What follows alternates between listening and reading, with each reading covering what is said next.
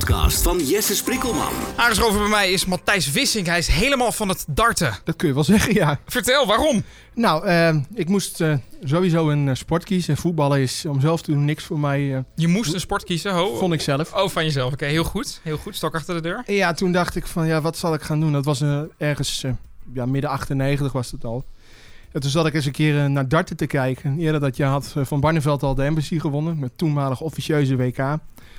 En toen dacht ik van, hé, hey, wacht eens even. Dat is toch wel eh, erg leuk. Mhm. Nou, ja, toen in december 98 kreeg mijn moeder een, eh, een dartbord in het kerstpakket. En toen is het balletje eigenlijk gaan rollen. Toen viel alles op zijn plaats. Ja. En ik zie, je zit tegenover me met een shirt met allemaal sponsoren erop. Ja. Daarmee ga ik eigenlijk gemakshalve een beetje vanuit dat het wel goed gaat. En ja, de resultaten van het afgelopen seizoen, wat door corona is afgebroken. Ja, dat persoonlijk had ik ze wat minder. eh, dat ik vond dat het minder was. Als je ziet dat ik het seizoen daarvoor voor mij nu redelijk top gedraaid heb. Ja, logisch. Ja, ja. Dat, nou, dat, dat soort dingen kun je ertussen hebben zitten, dat soort seizoenen.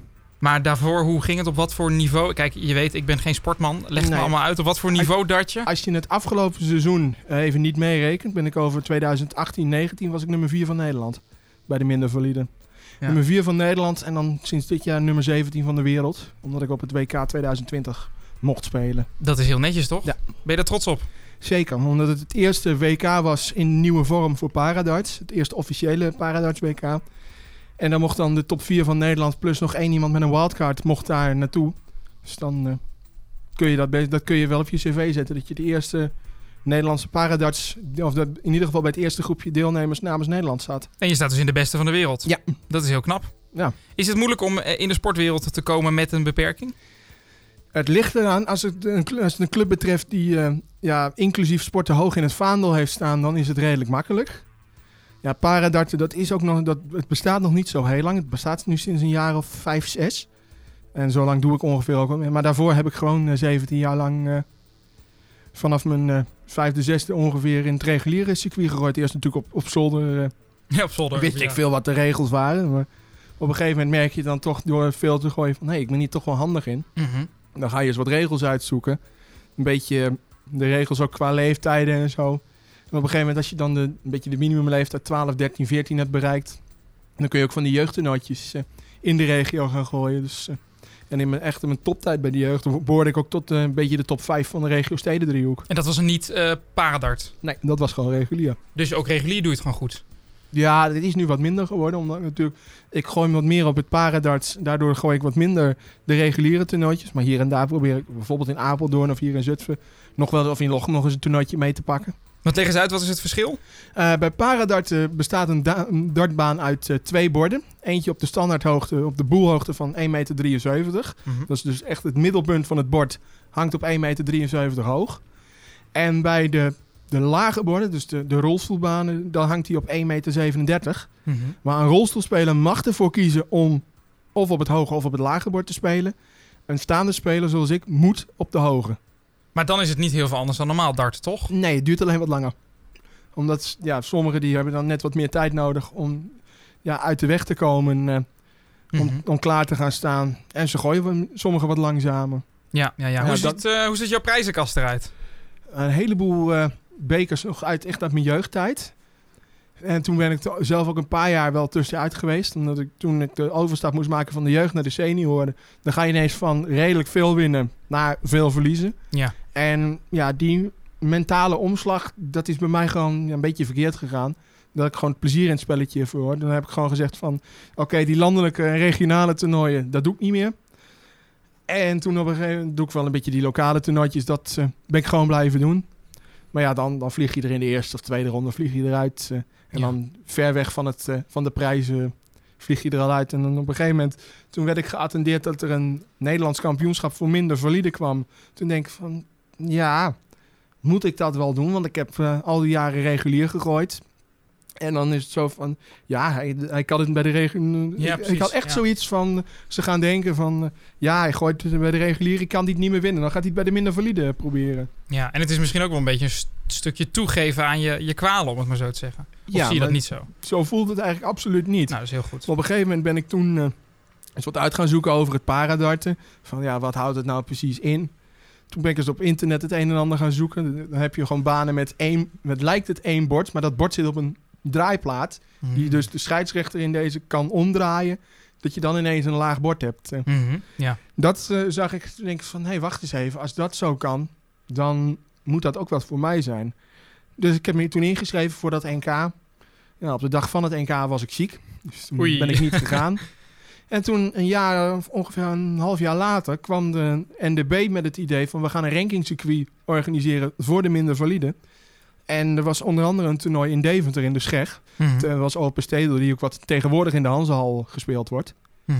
En toen dacht ik van, nou, laten we het gewoon eens proberen. En toen haalde ik eigenlijk op mijn sloffen de laatste acht. Dus Netjes. de kwartfinale. En toen denk ik van, nou, Paradarts en Matthijs, dat is op zich een hele goede combinatie. Ook de, de warmte waarmee ik daar ontvangen werd, ook door de, de groep Paradarters die al langer met elkaar gooiden. Mhm. En dan, ja, dan is het toch, er komt weer een nieuw iemand bij.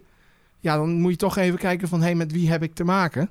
Maar dat was ook meteen zo'n warme ontvangst dat ik denk van, hé, hey, dat gaan we doen. De rankingleidster van dat hele gebeuren was ook mijn oud-trainster die ik de hele tijd bij de jeugd in Apeldoorn heb gehad. Die is, eh, dat is Marijke Zomer, die is tegenwoordig bondscoach van de Paradarters. Netjes. Dus die heeft me ook een beetje daarin heel goed opgevangen. Dus toen had ik zoiets na twee of drie toernooien van... Oké, Paradarts is inderdaad iets heel goeds voor mij. Ja, ja, Dan ga je ook kijken van... hey, hoe zit ik met mijn eigen plannen... dat ik eh, het landelijke rankingcircuit compleet kan aflopen. Nou, dat heb ik de laatste twee, drie jaar... zoveel mogelijk proberen te doen. Met dan na twee seizoenen geleden in 2018, 19 een eh, vierde plaats in de eindrangschikking. Ja. En een eh, finale plaats toen op Open Steden driehoek. Eerste keer dat ik de finale haalde meteen in mijn thuisranking. Kijk, heel goed. En hoe is het darten? Niet het paradarten, maar darten in het algemeen in, in de regio. Kijk, om de 10 meter, bij wijze van spreken, zie ik een voetbalclub. Volleybalclubs zie je ook veel. Darten, heb, ik heb het gevoel dat ik het niet zoveel zie, maar dat ligt misschien ook aan mij. Nou, dan heb je hier in de regio de dartvereniging Steden driehoek. Die concentreert zich echt op Zutphen, Apeldoorn, Deventer en omstreken. Mhm. En met name hier in Zutphen zitten gewoon heel veel, eh, ook heel veel teams. Modern, die eh, stond, Café Modern, wat nu inmiddels eh ter ziele is. Ja. Die stonden er heel erg onbekend dat ze meerdere teams hadden. Eh, Café Kokkie bij de snackbar, die hebben Ah, heel veel teams gehad. Ja. Spaan, op de, de Nieuwstad, die hebben nu twee of drie teams. Dus dat, En in Lochem? in Lochem hebben we helaas geen uh, stedendriehoek-team meer. Dat is ook de reden dat ik de uitwijk heb genomen naar Twello. Oh ja. Dat is ook, daar zit ik dan in een vierde divisie-team. Dat is ook een heel gezellig team. Eh, het is eigenlijk meer om de gezelligheid dan het, eh, het echt prestatief gooien. Ook meer van eh, dat je dan bijvoorbeeld... moet, moet je de single boel gooien. De, de enkele boel is dat. En dan, dan gooit er eentje, die moet dan met single boel beginnen en die gooit, de- gooit bullseye. En dan hebben we echt zo, dan wordt er binnen ons team wel eens gezegd, ja, niet daar, eh, lamzak. dat soort. eh, Zou je niet eh, je eigen club willen oprichten in Lochem? ja, nee, daar heb ik wel over getwijfeld om dat te doen. Maar dan heb je ook alle verplichtingen als teamcaptain zijnde. Dat je naar alle vergaderingen moet. Ja, dat is wel een En- leuke uitdaging, toch? Als je Ja, zo van darten houdt. Maar dan moet je ook een, een kroeg zien te vinden die het wil faciliteren. En is sowieso, waar, je zit ja. met materialen, je moet borden aanschaffen. En, eh, Ja. Voor je teams, eh, eh, wat- de kleding. En, en je moet sponsors regelen. Nou, Is er gemiste kans voor Lochem dat het er niet is? Er is wel een club in Lochem geweest. Maar die is helaas te zielig gegaan. Daar ben, ik- daar ben ik ook echt begonnen. In- Waarom is die te zielig gegaan? Daar kan ik helaas eh, geen uitspraken over doen. dat weet je. eh, Oké, ja. ik weet het ook niet, maar Nee. waarom die te zielig gegaan. Maar dat is inderdaad gewoon... eh, dan zat ik regelmatig op donderdagavond zat ik gewoon wedstrijdjes te kijken. Ja. En dat was altijd hartstikke leuk. Dan ging, ik op de fiets ging ik naar, van mijn huis naar Bousema. En dan was het gewoon... wel zorgen dat je om negen uur 's avonds thuis was. Dat was die tijd... eh, toen was ik... zo- Toen was ook al een avondklok. 14, 15. Nee, ik was toen 14, 15 of zo. eh. Ja, ik, zat nog, ik zat nog op de middelbare, dus... eh, En eh, de- ik heb eh, ook wel eens in mijn leven gedart. En dan was ik altijd eh, onder invloed van dranken en in een kroeg. Eh, is het uh, kleinigheid om te zeggen dat het eigenlijk gewoon een kroegsport is? Net zoals biljarten? daar ben ik het ja, gedeeltelijk mee Oh, eens. gelukkig. Want niet iedereen die neemt ontiegelijk veel in. Ik drink bijvoorbeeld ja, tijdens darten heel veel cola of water. Cola met eh, whisky. Nee, gewoon, gewoon eh, pure cola. Goed zo. Bier, dat eh, zul je bij mij... eh, ja, tenzij ik moet rijden, dan... eh, dan zul je, je zult mij in principe geen bier zien drinken. Tenzij je moet rijden. Ja, nee, juist als ik, als ik moet rijden, dan drink ik geen bier. Maar... Ja. nee, maar... en ook met, met het risico op plakhanden. Dan Ja. heb ik gewoon altijd... of een watertje of een cola. Want als je op een podium speelt, dan mag je ook niks anders dan water. Nee, precies. Wat is jouw doel? Beste van de wereld worden? Gewoon plezier houden in het spelletje en proberen zo hoog mogelijk te komen. En als dat beste van de wereld is, dan is het mooi meegenomen. Als het wat minder is, dan is het ook goed. Ja, en valt er nou ook, net zoals bijvoorbeeld in voetbal voornamelijk, eh, groot geld te verdienen in het eh, darten, in het paradarten? Ehm, dan moet ik even goed nadenken. Volgens mij stond er op de eerste plaats op het WK afgelopen jaar stond 1000 euro. Dat is toch relatief weinig, toch? Als je gaat kijken wat voor bedragen in voetbalwedstrijdjes omgaan. Ja, maar die sporten, je kunt sporten soms niet met elkaar vergelijken. Nee, ja, toch En zeker amateursport niet. eh. Nee. Dus het is echt eh, passie en sport. Het is, ja, voor mij is het passie inderdaad. En kijk, dat, dat ik er af en toe een paar knaakjes mee verdien is mooi meegenomen. Ja. Dus eh, Kun je de benzinekosten weer vergoeden. Ja. Hoe vaak of hoeveel uur in de week ben je bezig met darten? nou, reken even uit. gemiddeld anderhalf, twee uur per dag. Dat ik toch even aan het bord sta. Dat is veel. Ja. Heel goed. Ja. En moet dat van jezelf? Nou, je moet wel een beetje die training erin. nou, ik merk wel dat, eh, weet je, dat gevoel wat je bij het bloedprik in je elleboog hebt. eh, Ja. Dat heb ik dus ook na een, toerno- een, d- een dag lang eh, toernooidart. eh, Oh ja. Heb ik gewoon een paar dagen wel dat, eh, die, pijn, die spierpijn. Ja. Ja, dat, dat hoort erbij. Dan, dan is het even twee dagen wat minder trainen. En dan toch wel weer, eh, Maar je probeert wel elke dag een paar pijltjes in je hand te hebben. ja. Is dat, eh, is dat eh, moeilijk om zo eh, gefocust erop te blijven? Om zo je beste voor te blijven doen? Of zeg je, ja, ik vind het zo leuk, eitje. Het ligt eraan. Kijk, als ik in een drukke ruimte sta, dan speel ik meestal met oordoppen in. Dus dat ik me gewoon echt ook op het bord kan focussen. En, eh, maar gewoon thuis, dan heb ik gewoon muziek erbij aan. En dan, dan lukt het regelmatig om ze ook daar te krijgen waar ik ze wil hebben. Heel goed. Wat is voor jou de sleutel om een goede darter te worden? plezier houden in het spelletje. Zolang je er plezier in houdt, dan ga- gaan op een gegeven moment je prestaties ook die kant op. En ja, winnen is leuk, maar meedoen is, ook, is af en toe ook wel leuk om eh, gewoon erbij te horen. En, eh, als je bijvoorbeeld naar Dutch Open gaat, het grootste open darttoernooi van, eh, van de wereld. Die normaal in het eerste volle weekend van februari eh, gehouden worden. Dit jaar wordt hij naar september eh, verplaatst. Dan, maar dan is het ook gewoon, ja, drie dagen lang is het feest. En dan tussendoor nog darten, dat zeg ik altijd. Maar het gaat vooral om het, ja, het samen zijn, het, het hangen in de feesttent noem ik het altijd. Eh, daar ben ik nooit zo heel veel te vinden. Ik ben meestal een beetje rond, eh, rond de dartbanen te vinden. Mhm. Zorg altijd dat ik minimaal een uur van tevoren, voordat ik moet spelen, wel aanwezig ben. Gewoon even rustig ingooien. Ja. Muziek op te horen. Gewoon helemaal eh, die focus proberen te krijgen. Maar het is voornamelijk ook wel een gezelligheidssport, zeg je. Dus althans, zo zie ik het. eh. Ja, ja. Is het ehm, ook, je had het natuurlijk net al over het effect op je arm, maar is het echt een, een, een- ben je helemaal buiten adem na een eh, potje, zoals je bijvoorbeeld wel bent als je een rondje, weet ik veel, om het Bronsbergermeer rent? Ja, nou, het ligt wel als je een best of drie hebt, dat je twee legs moet winnen.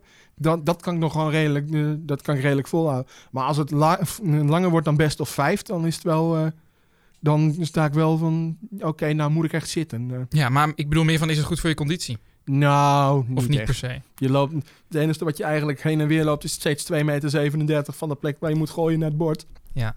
En weer terug. Hm.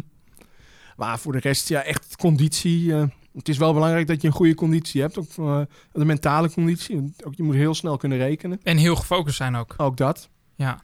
Is dat moeilijk? Merk je dat je snel afgeleid bent als er ergens iemand in de hoek van de zaal even schreeuwt of zo, bijvoorbeeld? Of hoest? Ik merk het bij mezelf wel dat ik inderdaad, als ik niet heel slecht gefocust ben, dat ik heel snel afgeleid ben. Maar ik heb ook wel eens wedstrijden gehad dat ik zodanig in mijn focus zat. Dat, ik, dat ze gewoon achter me, bij wijze van spreken, een boer liet. Dat ik, niet eens, dat ik het niet eens hoorde. Heel goed. Wie zijn je grote voorbeelden? Ja, van uh, oudsher natuurlijk altijd al Raymond van Barneveld. Die, die ervoor gezorgd heeft dat ik met darten ben begonnen. Mhm. Ik denk dat de meeste dartliefhebbers nog wel de beelden uit 1998 kunnen herinneren. Toen hij voor het eerst wereldkampioen werd, dat hij huilend op zijn knieën ging. was een euforisch moment voor jou. Nou, niet echt. Maar ik ben zelf wel een keer toen ik een toernooi, wel een van mijn laatste toernooien, dat ik zelf op de knieën ging, uh, die ik won.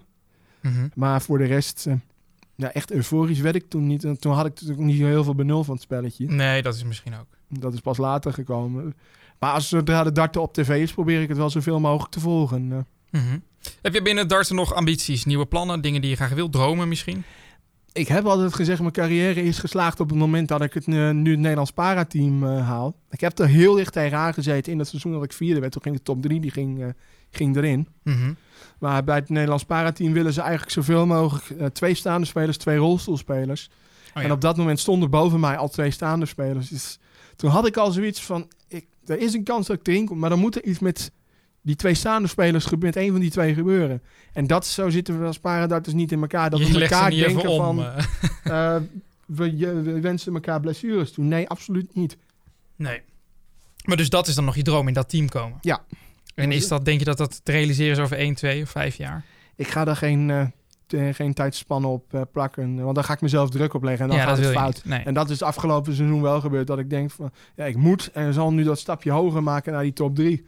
En daardoor heb ik gewoon op de beslissende momenten het punten laten liggen. Ja. Eh, Maar je, je mag al heel trots zijn op wat je doet. Dus je, als je vertelt, ja, ik sta in de top 20 van de wereld en in, eh, wat was het, de top 5 van Nederland. Ja, dan, Ja. eh, dan, dan mag je best wel trots op je zijn. Toch? Ja, dat is de top 4 over dan 2018, Ja, 2019. precies. Ja, dat is Want netjes. ik, de NDB heeft het, dit seizoen hebben ze afgebroken, of althans 2019, 2020. Dus toen, toen stond ik gedeeld zesde. Dus ik weet niet of ik, de, of ik die ranking aan moet houden. Dus ik hou meestal die van het jaar ervoor aan. Het laatste, Altijd je, best, afge- altijd het je laatste beste ranking afgemaakte seizoen, eh. Ja, ja, ja. ja, nou ja, netjes. Ja. Leuk, dankjewel. graag gedaan. Met wie? De interviewpodcast van Jesse Sprikkelman.